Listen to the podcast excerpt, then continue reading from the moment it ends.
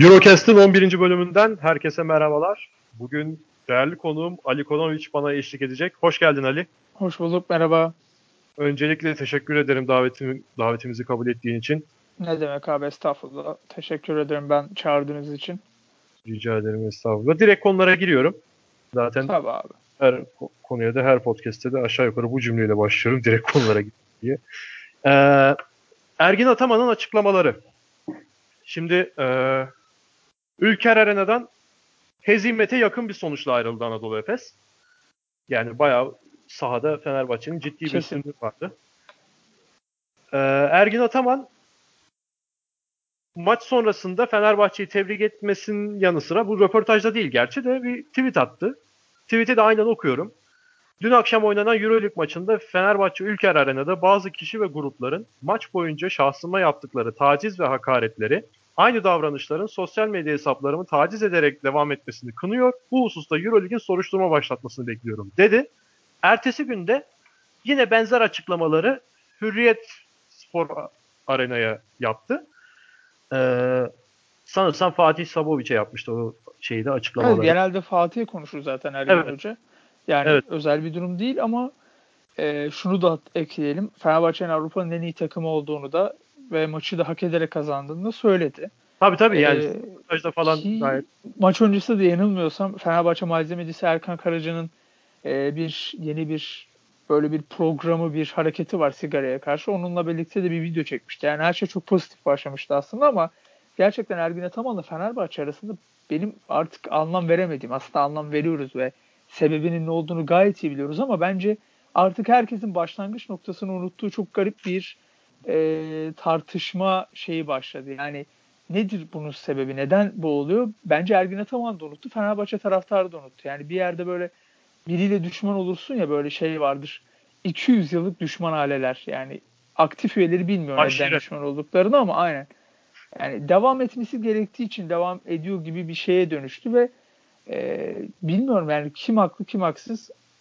Yani şu noktada sanki biraz Ergin Hoca artık daha haklı çünkü o bence tahrik şeyini bıraktı. Özellikle son Efes'in yani Türkiye Kupası eşleşmesinde biliyorsun geçtiğimiz sezon sıkıntılı şeyler oldu Obradoviç arasında ama özellikle bu sezonki maçlarda Ergin Hoca'dan ben hiçbir e, karşı atak görmedim ve Fenerbahçe taraftarının da bunu artık böyle yavaş yavaş atlatması gerekiyor. Sonuçta Avrupa'nın en iyi basketbol takımına sahipsin ve e, gerek yok yani bu gündem senin gündemin olmamalı diye düşünüyorum. Yani ben de sen de bu konuda paralel düşüncelere sahibim. Fakat benim ayrıldığım belli noktalar var hadi. Ee, Tabii abi. tabii ki eskiye de nazaran bu hani özellikle o 2013-14'ün final serisi falan oradaki gibi ateşe harlayan davranışlar falan yok. Hani mesela geçen sene miydi yine bu Melih Mahmutoğlu'nun Geçen sene. evet. aradı mı dedi demişti. Menajerim aradı demişti.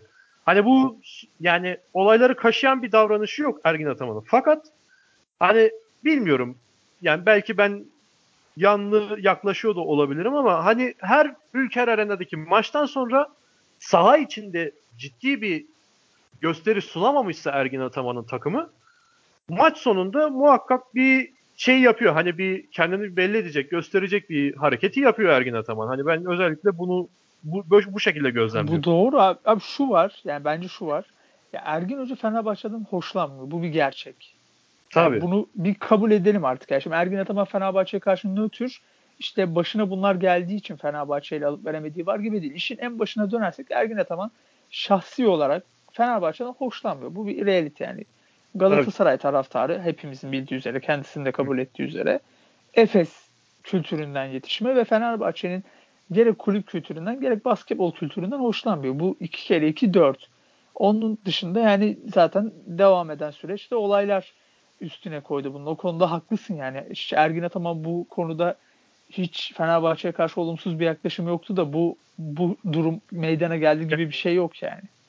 Gibi bir şey yok. Evet. Yani bir de hani başlangıcı da hatırlamayan varsa da bir ilk, ilk benim bildiğim olay bu 2009 finalindeki şeyin e, adı aklıma gelmiyor. Kerem Gönlüm. Kerem Gönlüm'ün dopingi ortaya çıktıktan sonra Fenerbahçe taraftarının Ergin Ataman'a bir şeyi oldu. E, tepkisi oldu diyeyim hani bu ta- her kendi salonuna geldiğinde bir ekstra fazladan bir e, evet başlangıç o. Olumsuz ha- hareketleri oldu Ergin Ataman'a yönelik. Başlangıcı o. Hani öncesi var mı bilmiyorum.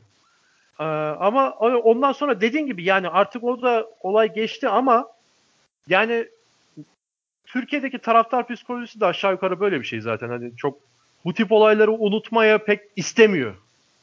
Evet. Türkiye taraftar psikolojisi. Hani ya yani sana... E, buyur, buyur lütfen, söyle, lütfen sen söyle. Yok şeyi söyleyeceğim. Yani az evvel söylediğim şu. Birçok kişi salonda Ergin Ataman aleyhine bağıran birçok kişi bu 2009'daki olayı bence bilmiyor. Yani Öyle mi diyorsun? Duymuş ama yani ne olduğunu oradaki aktör kimdir, o final serisinden ne oldu işte 2-0'dan 4-2 Kerem Gönlün evet. kim falan filan. Çoğu kişi bence bunları bilmiyor. Yani bir orada bir 3 soruluk bir quiz yapsan en fazla bir soruya falan cevap verir bence insanların önemli bir kısmı. Yani ben öyle düşünüyorum. Yani bilmiyorum olabilir de tabii yani ben hani salona senede bir defa gittiğim için hani bu konuda çok net bir bilgim ve fikrim olduğunu da söyleyemem. Fakat bir de şeyi soracağım abi sana bu konu özelinde özellikle. Ee, bu salondaki küfür etme mevzu hakkında ne düşünüyorsun? Hani yani ben açık konuşayım benim fikrim şu. Şimdi bir salona bir stada ortalama 30 bin insan toplanıyor tamam mı? Hani futbol sahalarını da katıyorum işin içine. Evet abi. Yani bu 30 bin insanın 30 bininin de böyle süper pürüzsüz ailelerden gelmiş. Müthiş yani herhangi bir hayatında kötü sözü ne duymuş ne de kullanmış bir insan ailelerde yetişmiş olup böyle insanlar olmasını bekleyemeyiz tabii ki. Yok ya yani, basketbol kültürü de öyle bir şeydi ki abi çok bu şey denir ya işte Kızıldız taraftarı muhteşem işte Zalgiris taraftarı muhteşem. Ya bu salonlarda küfür edilmiyor mu? Jalgiris'i duymadım ama Kızıl Yıldız'ın yani Allah acayip, Allah. Zalgiris'te de acayip küfür ediliyordur ben eminim. Yani ya da oraya gelen 20 bin kişinin 19 bini şey mi yani Bill Simmons mı basketbolu yes. böyle iki kol bağlayıp hmm, steps aa işte boyalı alanda 3 saniye falan böyle mi izlediğini zannediyorsun? Basketbol kültürü de böyle bir şey değil ki. Yani işte bu bunun özelinde soracağım soru. Yani Ergin Ataman'ın bana küfür ediyorlar diye üst merciye şikayet etmesi hakkında ne düşünüyorsun? Benim, benim bu dikkatimi çekti özellikle. Ya o olayın artık bir alerji boyutuna gelmesiyle alakalı ama şey konusunda Ergin Hoca bence e, şey değil yani iki yüzlü bir tavır değil. Çünkü onun bir bahsettiği bir olay var. E, Galatasaray taraftarı biliyorsun Karşıyaka olayıyla alakalı İsmail evet, Şenol'a evet. küfür etmişti. Evet onu hatırlıyorum. Çok büyük olay olmuştu. Hatta Ergin tamam maç sonu şey demişti. Eğer bu tarz bir olay tekrarlanırsa ben Galatasaray koçundan istifa edeceğim. Ki bence o bir e, tehdit veya blöf değildi. Gerçekten e, orada bir hakiki bir tepkisi olmuştu ve o konuda bence söz sahibi. Yani böyle bir tepkiyi taraftarınıza vermek kolay değildir. Böyle bir şey yaptıysanız evet bu şimdi de böyle bir söz hakkınız doğar. Ama dediğim gibi yani iki tarafın da o kadar çok atması gereken at, adımları atmadığı durumlar oldu ki yani Ergin Ataman'a yapılanları biliyorsun. Her salona hı hı. geldiğinde olanlar işte Mahmut Uslu olayını hiç hatırlatmaya gerek yok yani. Gel. Acayip şeyler. Ya yani her şey Aziz Yıldırım dahil oldu herkes yani. Ama Ergin ya. Hoca'nın da yaptıkları Göksen'inle gelip o salonda ağırlıklı olarak Göksen'in ağırlıklı olarak Galatasaray süreci işte 2009 falan iki tarafta birbirine karşı o kadar e, ofansif ve uzlaşmaz bir tavrı oldu ki e, o yüzden dediğim gibi yani artık bence üzerine konuşulacak bir mevzu kıvamından çıktı.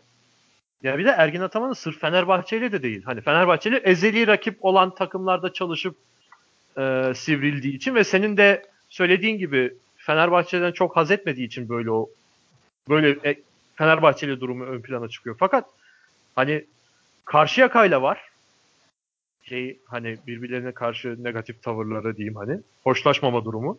Beşiktaş'ta Beşiktaş'ta çalıştığı için ve ertesi sene bıraktığı için feda sezon olan sezonu bıraktı. Ya Beşiktaş'takinin hiçbir mantıklı sebebi yok. Ergin Ataman aleyhine üretilen argümanların hepsi bomboş ya. O ayrı bir yani, şey. Tabii, atıyorum. Kulüp değiştirebilir bir hoca bunda bir sıkıntı yok. Yani Tabii, öyle bir yönetimle kimse çalışmazdı. Erman Kunter'den başka. O ayrı bir podcast'e girmemiz lazım yani. Tabii. Ama bir de hani Kızıl Yıldız'la bile var. Hani yani Ama bak yok bak gerçekten Ergin Ataman'la şimdi zaten hep öyle şimdi var öyle birkaç kişi Twitter'da işte ben Ergin Hoca ile yakınım falan filan. Ben Ergin Hoca'yı bireysel olarak tanımıyorum. O da beni tanımıyor. Onu bir söyleyeyim yani. Vardı öyle birkaç hesap. İşte ben Ataman'la sürekli temas halindeymişim de öyle tweet atıyormuşum veya işte o dönem çalıştığım gazetede öyle ya, haber yazıyormuş falan diyen bir evet. ekip vardı. Öyle bir şey yok. Ergin Ataman bence beni tanımaz. Yani ismen belki duymuştur. O da dergiden falan son dönemde.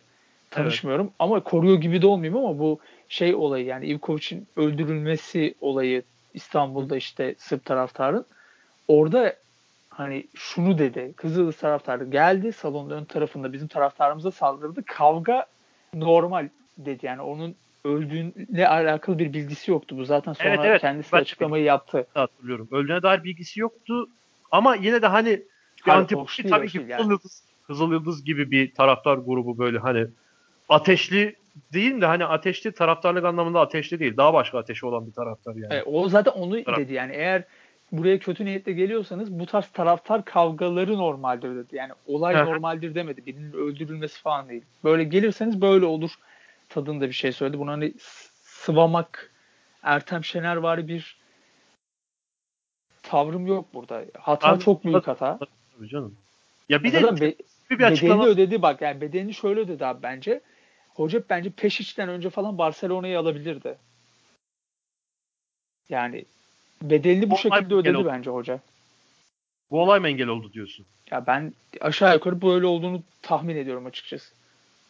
Yani o olayla yani o durumla ilgili tam net bilgin varsa anlatabilir misin? Ha yok yok öyle bir şeyim yok. Net bir şeyim yok ama Barcelona ile hocanın teması olduğunu ve Euroleague çevrelerinde bu olayın çok ciddi Galatasaray ve Ergin Ataman üzerinde sıkıntılı bir imaj yarattığını biliyorum. Tabii hoca gerçekten samimiyetle özür diledi ve gerçekten de e, ben ona inanıyorum yani şey yoktu. Orada bir ha çok iyi oldu falan geldi öldürdüler gibi Yok, bir şey. Böyle bir şey olamaz zaten yani bu. Abi canım öyle bir şey öyle bir şey tabii ki ben de söylemiyorum ama bir düşüncesizlik durumu evet. ağzından çıkanı bir hafiften kulağın duymama durumu biraz var gibi hani geliyor bana.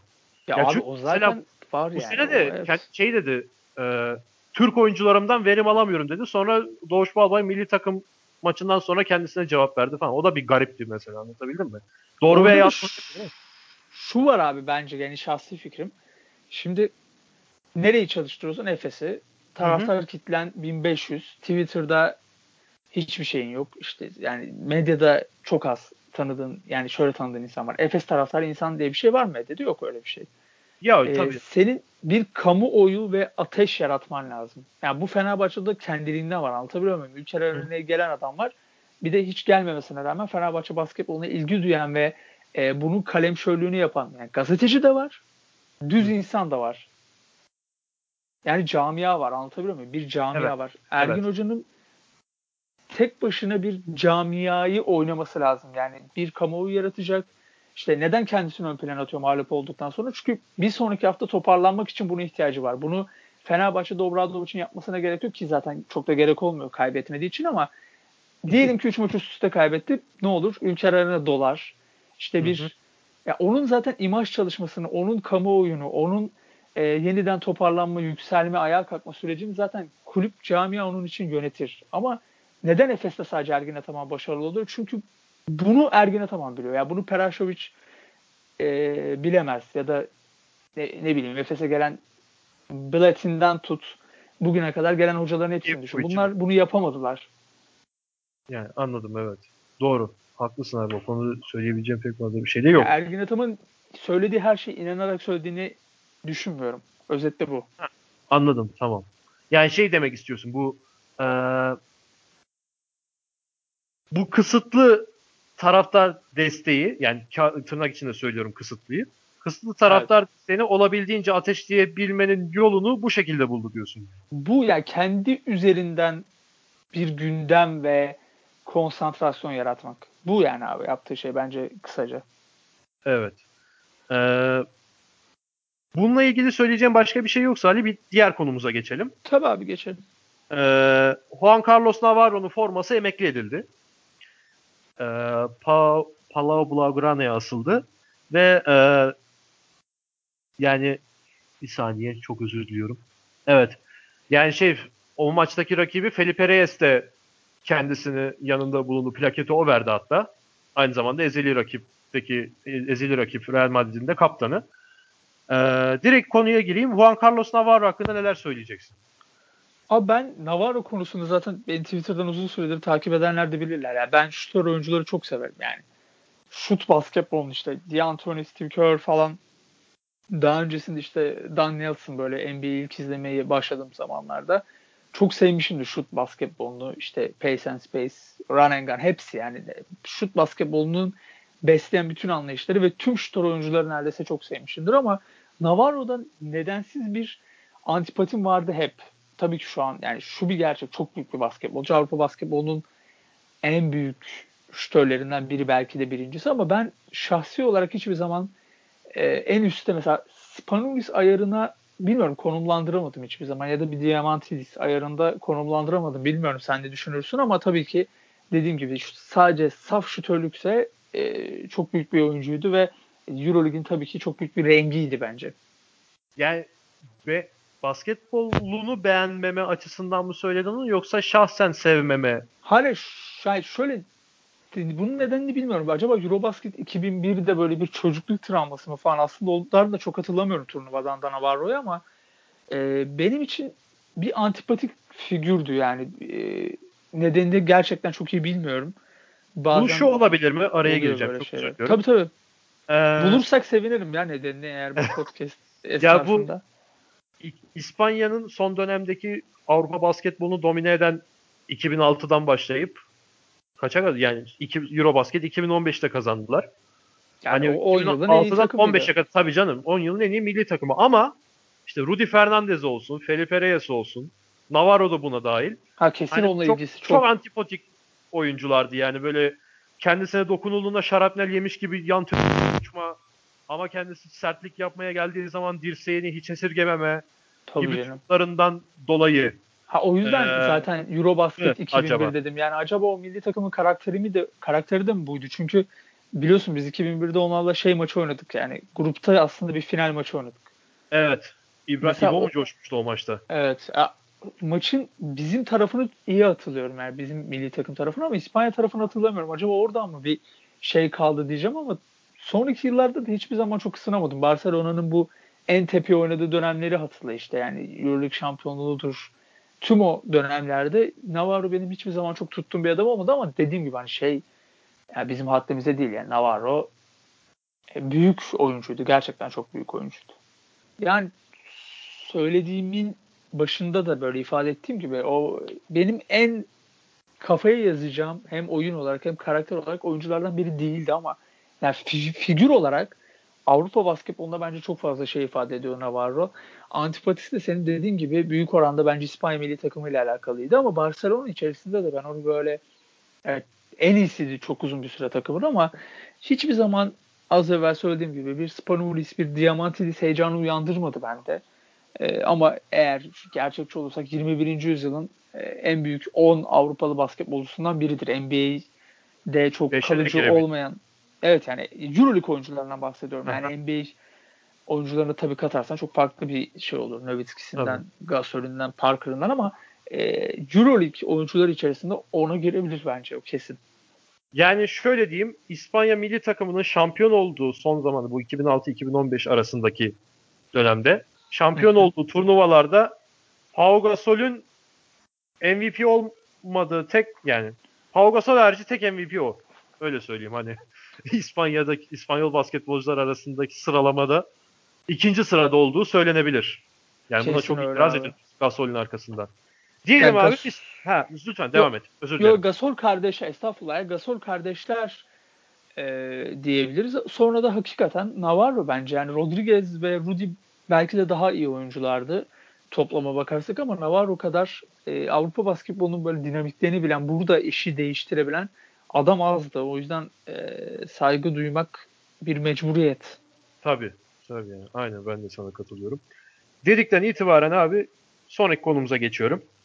Ee, Nikola Kalin için Trend Basket'e verdiği bir röportaj var. Çok süper böyle, abi süper bir iş. Evet ben de çok keyifli okudum. Yani çok geniş konu yelpazesi var.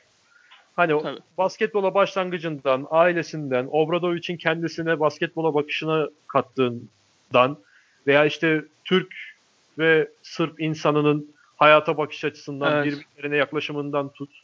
Her şey var. Doctor Who hayranıyım bile demiş yani. Ee, Abi ben Kalinic'le alakalı şunu söyleyeceğim. Hemen en tabii başında. buyurun lütfen.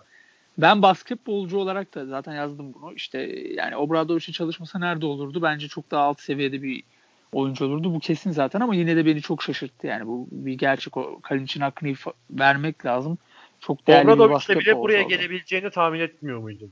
Aynen öyle. Ben zaten bu konuda acayip yanılmışım. Yani bu kesin Kalinic bayağı bize e, şeyi verdi yani ağzımızın payını verdi ama insani olarak da gelişimi yani insan olarak da bu kadar oyunculuğuyla eşdeğer gelişen bir adam e, bence çok az var. Fenerbahçe zaten bu açıdan da Avrupa'nın en enteresan takımlarından biri yani.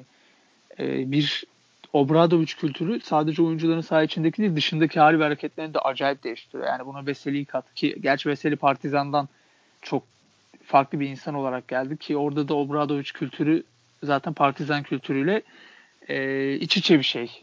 Hı hı. Ayrı tutamazsın. Datome'nin buradaki tavrı işte farklı bir insan haline gelmesi ve en büyüğü bence Kalinic bunlardan. Yani e, zaten şu an çok tepki alıyor kendi çıktığı camiadan Kızıl Yıldız'dan. Çünkü Tam tamamen sana soracaktım. tabii Ee, çok özür diliyorum girdim araya. Tam onu Yok, sana soracaktım. Geçen sefer e, o sanırsam milliyetçilikle alakalı bir tweet mi retweetlemiş? evet. Onunla ilgili sana da bir soru sormuştum ben Twitter'da. Evet biz seninle bunu konuştuk diye. Evet. Ee, o konuyu biraz şey yapabilir misin abi? Açabilir misin? Anlatabilir Ya misin? şöyle Dinleyenler Kalinic için de bir bilgilendirelim. şu tarz bir şey söyledi. Yani milliyetçilik dediği şey 600 euro kazanan adamın işidir. Yani benim gibi insanların demedi de yani biraz eğitim ve maddi seviyen arttıkça bu tarz şeyler senin gündemin olmaz. Yani dünya insanı olmaya başlarsın. Bu para kazanamayan insanlara verilmiş bir böyle oyuncak, vakit geçirecek bir meşgaledir. Bu tarz Hı hı. siyasi görüşler işte faşizm, işte koyu milliyetçilik gibi bir retweet yaptı. Ve bu Evet. tabii Kızıl Yıldız kültüründen gelmiş bir oyuncu için e, çok cesurca bir şey. Yani bunu o tarz insanlardan göremezsin. Kızıl Yıldız ekolünden gelen insanlardan böyle bir şey göremezsin. Çok da büyük tepki aldı çünkü hala takipçilerinin çok önemli bir kısmını Kızıl Yıldızlılar oluşturuyor ve çok büyük bir tepki aldı. Yani o şeyi de söyleyelim hani Kızıl Yıldız'ın milliyetçiliği bakımın yani milliyetçiliğin nasıl bir şey olduğu ile ilgili de sana bir soru da sormak istiyorum bunun üzerinde. Şimdi Kızıl Yıldız taraftarı Partizan'a nazaran biraz daha milliyetçi denilebilir mi? Yok biraz daha değil tamamen milliyetçi. Tamamen Parti, Kızıl Yıldız milliyetçi. taraftarı. Hani e, Partizan taraftarı nispeten daha az milliyetçi. Fakat hani onların bile Türk takımıyla maçlarında mesela Svaki Turtsinsan, Svaki Bulazna diye başlayan hani her Türk bilir Ha, evet. Sırp Yani şöyle bir şey var şimdi Murat'ı bıçakladığını diye bir tezahüratları var. Hani az milliyetçi Tabii, tabii. olanlardan bile. Buna nazaran e, Kızıl Yıldız'ın nasıl bir seviyede olduğunu böyle görebiliriz hani. Şöyle bir şey var. Partizan zaten eski Yugoslavya'nın devlet takımı yani komünist bir rejim içerisinde öyle milliyetçilik ve din gibi unsurları hiçbir şekilde barındırmayan bir takımdı. Ama tabii ki zaman içerisinde iki tane savaşa girdi Sırbistan. İşte önce bir Bosna Savaşı var, sonra bir Kosova Savaşı var. Bunlar orada milliyetçiliği falan çok harlamış şeyler. En aklı başında adamın bile yani bu Türkiye'de de görebilirsin bunu. Yani olağanüstü durumlarda insanlar hiç olmayacak yönelimler ediniyor. Partizan'ın taraftar profili de zaman içinde çok değişti. Şimdi genç insanlar e, hem böyle deyim yerindeyse kanının kaynaması hem de o savaş dönemlerinin getirdiği eğitim yapısındaki bozukluk sebebiyle işte insanların böyle daha basit, kolay ulaşılabilir şeylere yönelmesi ve işte kendini böyle ifade etmesi nedir? E, yani topluluk olmak daha kolay. Bunu çok iyi biliyorsun sen de. Bu tarz Tabii, daha tabii. basit şeyler etrafında birleşmek çok daha kolay. Öyle eğitime, kültüre, okumaya falan böyle şeylere gerek yok. Daha basit. Nedir? İşte ben Kapıyor milliyetçiyim. musun peki yani? Kafa örme. Yani öyleyim abi işte. Çok daha kalabalık oluyorsun. Eğitimle, Hı hı. kültürle, tarih okumakla ya da ne bileyim daha dünya insanı olmakla kim uğraşacak işte. Kalinic'in zaten dediği şey de buydu. Bunlarla uğraşmak için daha iyi bir eğitim seviyesi, daha iyi bir ekonomik seviye, daha çok dünya görmek bunlar lazım. Kalinic de zaten Trend Basket'e verdiği röportajda da bunu söylüyor. Yani ben Evet. Sırbistan'dan ilk çıktığım zaman çok yanlış düşündüğümü şu an anlıyorum demek istiyor. Yani Türklere dair, hayata Ve dair. de var. Söylediği de hani e, Sırplar dünyanın en iyi insanları, diğer herkes bizi kıskanıyor gibi bir şey öğretiyorlarmış sanırsam okullarında. Abi Kalinic bu zaten yani. çok tanıdık gelmiyor mu sana yani? Yani tabii. Tam onu da ya diyecek. bu ya bu dünyadaki en basic şey bu. Sadece bakma Türkiye, Sırbistan falan değil bu. Çok gelişmiş olduğunu kabul ettiğin ülkelerde de var yani. Eğer ya Bre- Brexit'i düşün abi, Brexit'i düşün. Evet.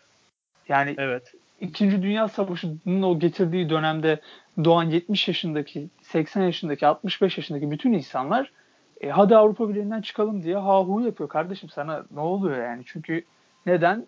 E, doğru dürüst eğitim yok. Doğru dürüst o dönem sosyokültürel seviye düşmüş. Savaşın verdiği etkiyle falan. Sırbistan'da bunu 90'larda, 2000'lerde yaşadı. Başka bir şey değil yani bu. Yani evet. Daha küçük bir dünya, daha bizden olsun, bizim olsun. İşte biz çok iyiyiz, biz harikayız, herkes bizde derdi var falan. E bunlar düşük eğitim, düşük kültür. Yani tabii o insanları da çok fazla şey yapamıyorsun yani. Ne yapacaksın? İşte savaş dönemi falan filan. O dönemin şartları biraz daha yani çok anlaşılamayabiliyor hani. Ve Kalinic de hem öyle bir dönemde büyümüş. Çünkü 88 89'lu mu 88'li mi Kalinic? 91'li Kalinic ya benim 91'li mi? Ha, evet, tabii 91'li Kalinic ya pardon. 28 yaşında. Evet. Ee, tam 91 işte 96'lar Onun olduğu zamanlara denk geliyor savaş. Korkunç yani korkunç. Tam yani. ilkokula başlarken işte NATO'nun Sırbistan'ı şey yapması falan ki Hı. orada acayip milliyetçiliği harladı işte Amerikan düşmanları falan filan. Globalizasyon karşıtlığı, evet. küreselcilik karşıtlığını falan acayip parladı. Yani çok uzun bir mevzu. Karaliç de müthiş bir hani kişisel gelişim gösteriyor bence. Acayip yani basketbolculuğunun da önünde bir dünya görüşü update yaşamış adam. Ben acayip şaşkın şaşırmadım yani Karaliç'in böyle bir gelişim yaşadığını tweetlerinden anlayabiliyorsun ama e, çok sevindim açıkçası. Yani böyle bir şey çok görebildiğim bir şey değildir çünkü. Özellikle Türkiye'de yaşayıp hani yani Türkiye'de yaşamış bir yabancı tabii ki böyle olabilir. Hani Türkiye'de yaşamasının ona bize ettiği kadar etki ona etmeyebilir. Ama hani e, şimdiye kadarki yaşadığı ülkeleri düşünecek olursak Sırbistan ve Türkiye hani bu konuda kendini Çok geliştirmek isteyen insan, evet. Kendi geliştirmek insan, isteyen insanın biraz zorlanabileceği ülkeler nispeten. Aynen bazı öyle. Batı Hani o, ona rağmen böyle bir kişisel gelişim gösteriyor olması hakikaten takdire şayan. Ee, aynen öyle. Tepki öyle. almaya da devam edecek ama ben umuyorum ki daha zaten tabii ki bir geri dönüş yapmayacaktır. Hani yeniden iki sene sonra Kalinic Pardon kusura bakmayın ya. Sırplar en iyisiymiş. Yani iki sene sonra dediğim gibi çetnik olmayacaktır Kalinic ama e, iyi ya böyle şeyler güzel. Evet. Dedikten sonra abi sorulara geçelim. Gelsin ee, abi. E, ilk sorumuz Fırat Ayrılık'tan. Kendisini sen de tanıyorsun zaten. Tabii gayet iyi tanıyorum. Selamlar abi. Aynen selamlar. Benim benim selamımı da alır kendisi o. Benim selamın özel bir selam olduğunu kendisi bilir. Playoff'un 8. bileti hangi takımın olur demiş. Hmm. Şimdi Playoff'un 7 bileti dağıtıldı mı? Önce onu söyleyeyim, sorayım. Evet yani orada bir katılmama durumum olabilir kendisine. Hemen evet. bir galibiyet mağlubiyet sayısını bir daha gözden geçirelim. Hataya evet. yer vermemek anlamında. Şimdi Bayer şimdi bir kere ilk bence 5 bilet dağıtılmış vaziyette. Bilmiyorum katılır mısın bana? Bence yani, Milano da buradan düşebilir. Bayern Münih de düşebilir. Baskonya da gayet düşebilir ki arkadan gelen takımlar e, tehlike. Evet. Baskonya düşebilir mi sence? Bilmiyorum hani Baskonya Evet Baskonya hem iyi bir takım bence Milano'dan ve Bayern Münih'ten. Yani iç dış sağ dengesi gerçi Baskonya'da bu sezon çok tutturamadı bunu ama e, daha iyi bir takım ve sezon içerisinde zaten galibiyet serileri de yakalamıştı Baskonya hem İspanya Ligi'nde hem de Euro Lig'de.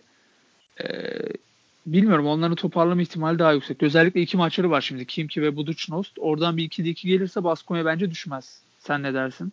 Yani Baskonya'dan ziyade ben arkadan Panathinaikos'un atak yapabilme ihtimalinin çok düşük olmadığını düşünüyorum. Yani ben çünkü de aynı fikrim. Rick Pitino geldi hani o işte Yunan adaları ne kadar güzelmiş, atın beni Marmara'ya, vay anasını ve burası Amerika'dan çok farklıymış falan diyor ama hafiften hafiften de böyle bir takımı da biraz yukarıya çıkartıyor gibi. Böyle garip mağlubiyetler alıyor tabii ki ama yani bu alışma sürecinden de sessiz sedasız böyle açıklamalarını ön plana çıkararak da bir takımı forma sokma durumu olabilir.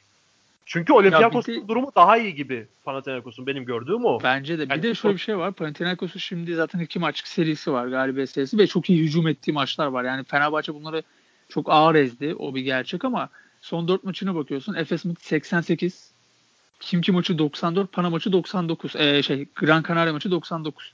Hı-hı. Şimdi önünde bir Daçka maçı var. Daçka'yı da kazanırsa zaten çok kritik bir Moskova deplasmanı var ki ya bence de kazanır bu arada. Hani kazanırsa dediğim ayıp Aha. olmasın diye. Yani. Çok kritik bir Moskova deplasmanı var. Onun dönüşü zaten e, normal sezonun kırılma maçı. Yani Atina'da Panathinaikos Baskonya maçı var. Ki bence ee, Ceska'yı yenme şansı da çok az değil. Aynı şimdi onu ona geleceğim. E, Daçka galibiyetini de aldığını varsayarsak 5'te 4'te Ceska'ya gidiyorsun ve yani Ceska e, ne uzalır ne kısalır gibi bir durum var. Yani ben ikinciliğini çok banko görüyorum ve birincilik şansının da çok çok düşük olduğunu görüyorum bu Fenerbahçe'ye karşı. Hani biraz Ceska'da playoff moduna geçişte böyle bir dağılma ve konsantrasyon düşüklüğü esnasında tam böyle iyi yakalayacağım bir tarih bence Ceska'yı. Hani deplasmanda yenebileceksen tam o tarih bence Panathinaikos yani, için. Evet. Ve Pitino konusunda haklısın. Bence çok zeki bir adam abi. Ee, sağ için hiç konuşturmadı. Hı hı. Medya evet. ilişkileri sayesinde. Ya her hafta, ya ben mesela geç, geçen programları böyle bir şey yaptım. Hani bir ufaktan bir dinledim benim bizim Eurocast'in. Hani her bölüm Pitino konuşmuşuz ya. Yani Ama Euro, çok Euroleague az basketbol konuşmuşsundur. Evet. Yani Euroleague konuşan başka programlara da baktığımda her birinde her hafta bir Pitino var. Ve hani şey adamın ne kadar gırgır olduğu, Amerika'dan gelip buraya yeni bir şey getirdiği falan. Hani sağ içinde şöyle şöyle savunmada şöyle stratejileri var, hücumda şöyle işte şunu perde olarak kullanıyor gibi bir şeyler hiç konuşulmuyor. Hep Yok hani abi, yaptığı açıklamalar üzerine. Çünkü bak herif e, bunu çok iyi işliyor. Şimdi Kalatis mevzusuna atıldı abi işte. Gördüğüm en büyük pasör falan. Evet. Yani hep yukarı perdeden ve böyle bir atıyor abi. Bir sonraki maça kadar biraz bekliyor falan filan. Şimdi biraz basketbolu oturttu. Şimdi basketbolu konuşuyoruz. Panathinaikos kazanırken. Çok enteresan. Ya bu herifin zaten e, basketbol camiasında her zaman bu böyle bu tarz yaklaşımlarıyla çok ünlü bir heriftir zaten biliyorsun. Kolej kariyeri Hı. falan da e, çok inişli çıkışlı bölümleri var. Çok fazla tartışmalı alan var ama tartışılmayan bir şey adamın egosu ve medya ilişkilerinin manyak seviyede iyi olması ve her zaman ünlü olarak e, kalması. NBA'de de bunu yaptı yani o geldiği kısa dönemde. E, bence Panathinaikos'ta da bunu başardı ve Pana da gerçekten iyi bir timingle form tuttu. Yani evet ben de o yüzden arkadan gelebileceğini düşünüyorum. Yani Fırat'ın sorusuna dönecek olursak 8. bilet hangi takım olur diyelim hani bir cevap verelim buna. Abi ee, bence Bayern Münih düşecek playoff'tan. Evet. Ee, oraya da Panathinaikos çıkacak. Fener'le Panathinaikos eşleşir diyorsun yüksek ihtimalle. Aynen öyle ya.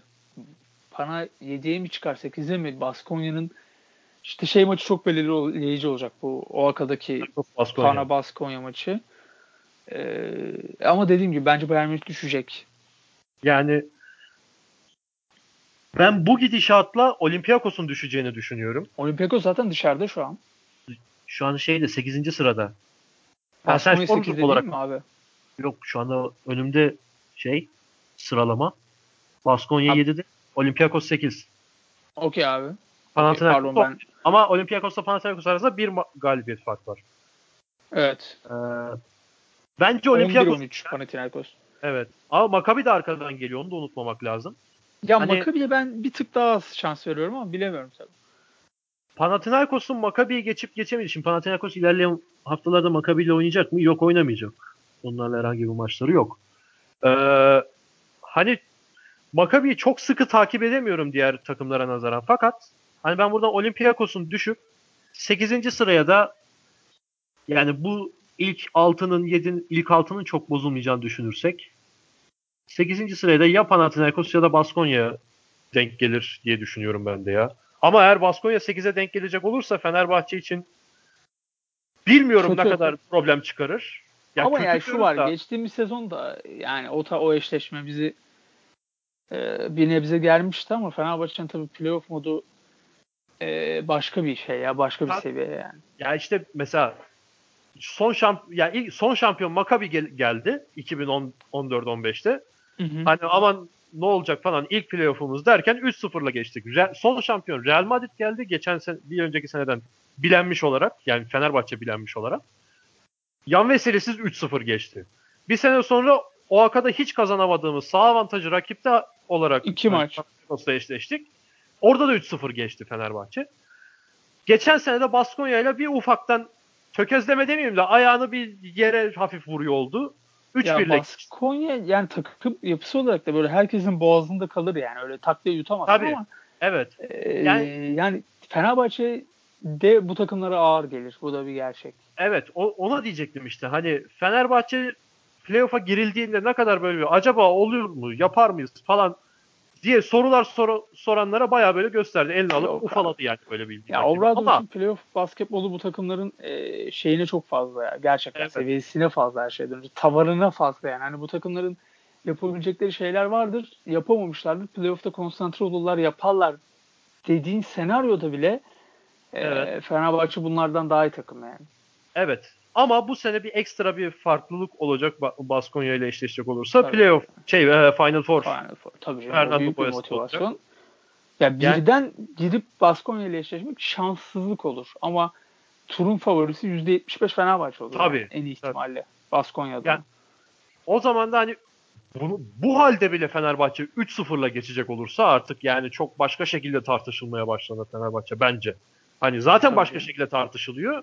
Daha da başka şekilde tartışılmaya başlanır bana kalırsa. Bilmiyorum hani. Kesin. Yani de ya zaten Fenerbahçe hani o ayrı bir konuşma konusu Evet. ayrı bir başlık. İnanılmaz bir takım yani. Yani. Kadro kalitesinin de çok üstünde bir basketbol. Evet. Bilmiyorum. Evet evet. Yani Real Madrid'in kadro kalitesinin daha iyi olduğunu söyleyen çok itiraz edemezsin. E, aynı fikirdim canım. Ya biraz edersin hani. Ya, o, Ya ama bir iki yani- pozisyonda edersin bu kadar yani. Bir Evet, pozisyonda evet. edersin belki. Ama hani yani net kaliteli olduğunu söyleyen adam bile Real Madrid'in Fenerbahçe'den çok daha iyi takım olduğunu söyleyemez. Yani, Yani kadro öyle bir şey diyemezsin canım sen. Evet.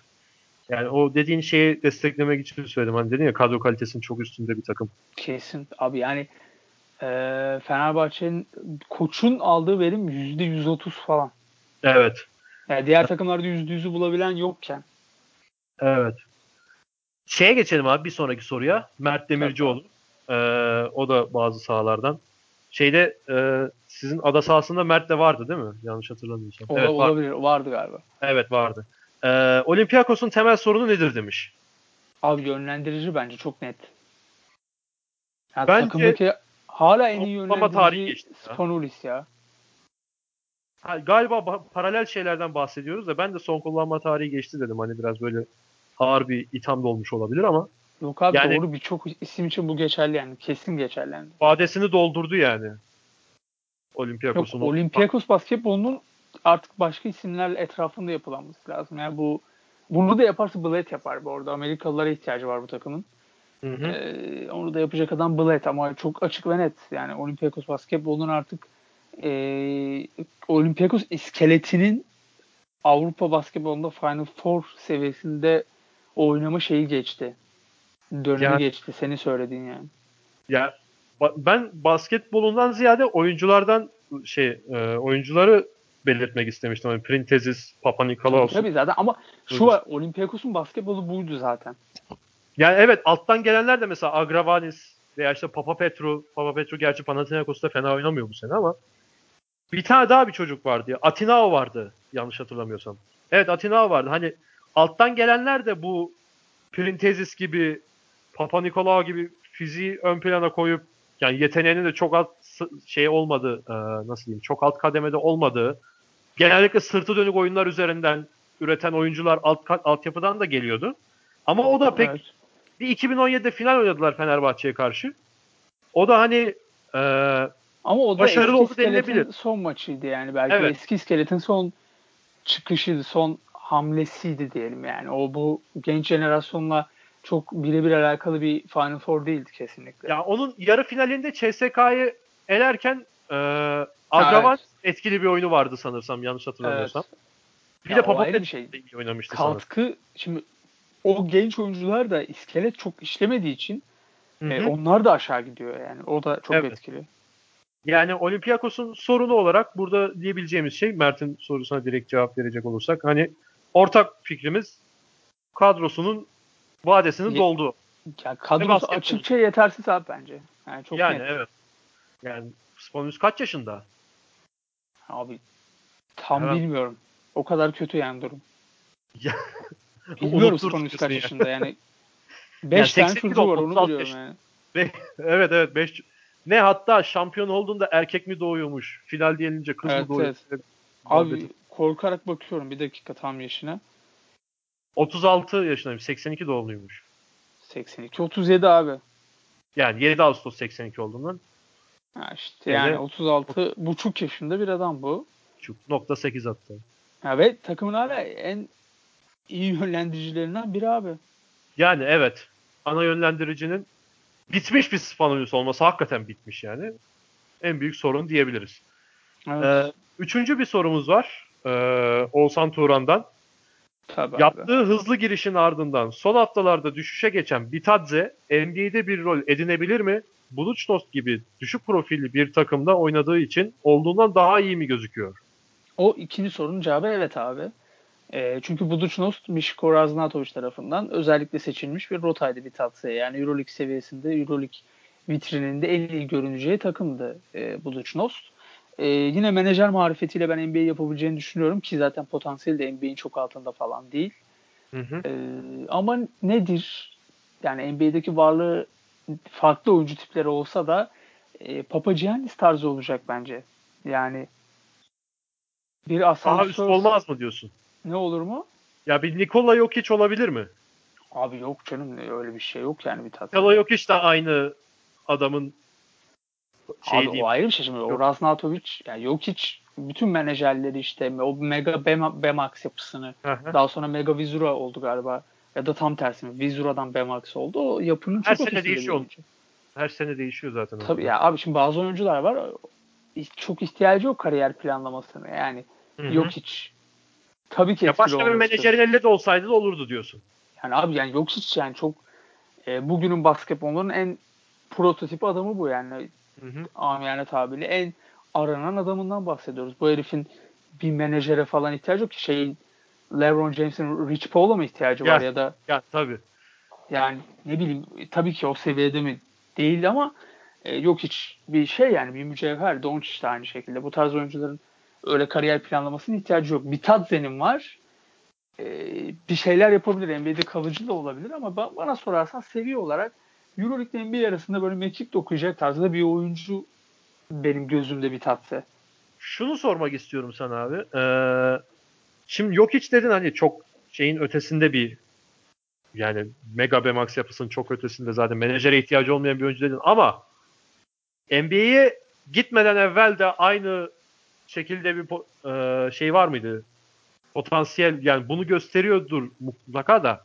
Hani ya NBA'ye zaten... giderken de böyle böyle bir durumu var mı? Hani Luka Doncic gibi gitmedi NBA'ye benim. Ya, tabii ki değil abi. Yok için e, Sırp milli takımıyla alakalı sanırım ya Obradovic'in mi bir röportajında söyledi.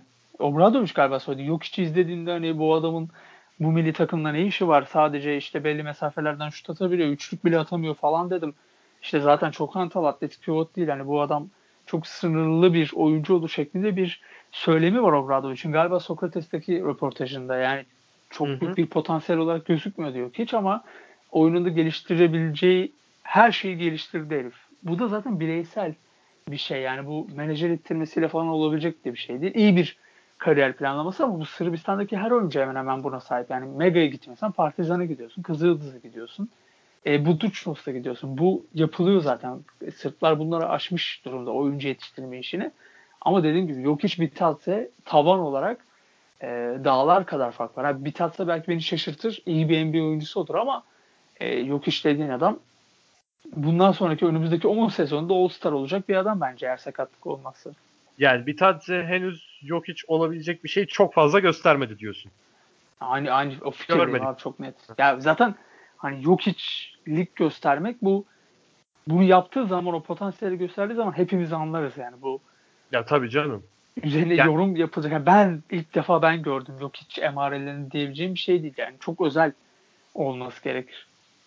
Anladım abi. Peki. E, senin eklemek istediğin başka bir şey yok Salih. E, yok abi teşekkür ederim. Sonra. Ben çok keyifliydi benim için. Çok da konuştum açıkçası. Bu kadar e, Euroleague konuşmayı özlediğimi düşünmüyordum. Çok sağ ol. Çok iyi bir Buyur. moderasyondu. Bana da Teşekkür süper ederim. bir alan bıraktın. Umarım dinleyenler e, bu ne geveze adam demezler. yok Çok. yok de. Ya ba- bilmiyorum bana diyorlar mı hafta yani Yok, bana abi, demiyorlarsa sana istemezler. Ya şey gibi oldun. Önceki Cem, programlarda hani Cem e, Dizdar'ın yanındaki Serkan Yetkin gibi sürekli sözünü keserek Yok yok estağfurullah şey ya. Konuş abi ne olacak yani muhtemelen sen benden daha bilgilisindir yani. Yok estağfurullah abi olur mu öyle şey yani Euroleague konusunda. Çok teşekkür ederim abi tekrardan katıldığın için daveti kırmayıp. Benim için de çok keyif oldu. Ben de onu söyleyebilirim. İnşallah çok dinleyenler de bizim kadar keyif almıştır. Umuyoruz artık. Onlara da bu saatte bu kadar abi. Saat 23.16. Ne diye izleyeceksin bu saatte? Ya çok güzel hareketler bunlar izlersin. ya bizi yani. Ee, ilerleyen haftalarda da tekrardan görüşmek dileğiyle diyelim abi Ali sana. Umuyorum Ve de veda edelim. Herkese iyi geceler. Görüşmek Herkese üzere. Herkese iyi geceler. Eurocast'in 11. bölümünden veda ediyoruz sizlere. Hoşçakalın. Hoşçakalın.